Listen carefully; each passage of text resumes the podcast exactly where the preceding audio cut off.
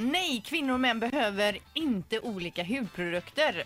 Onödiga krämer. Behöver män och kvinnor verkligen olika hudvårdsprodukter har man få- frågat då eller är det bara ett marknadsföringstrick? Och enligt experterna som de har frågat så är det ett marknadsföringstrick. Det finns ingen skillnad mellan huden hos män och kvinnor.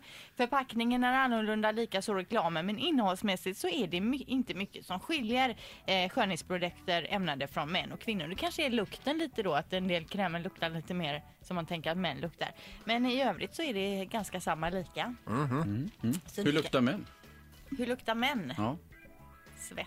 Ja, va? Då vet vi oss som doppas i de hudkrämerna. Nej, men jag vet inte hur man förklarar en manlig då. Nej, jag bara... Ja. Mm, mm, vad svettig du luktar. Det var gott. Ja, men generellt så luktar ni mer svett än kvinnor. Ett poddtips från Podplay. I podden Något Kaiko garanterar östgötarna Brutti och jag, Davva, dig en stor dos skratt. Där följer jag pladask för köttätandet igen. Man är lite som en jävla vampyr. Man har fått lite blodsmak och då måste man ha mer. Udda spaningar, fängslande anekdoter och en och annan arg rant.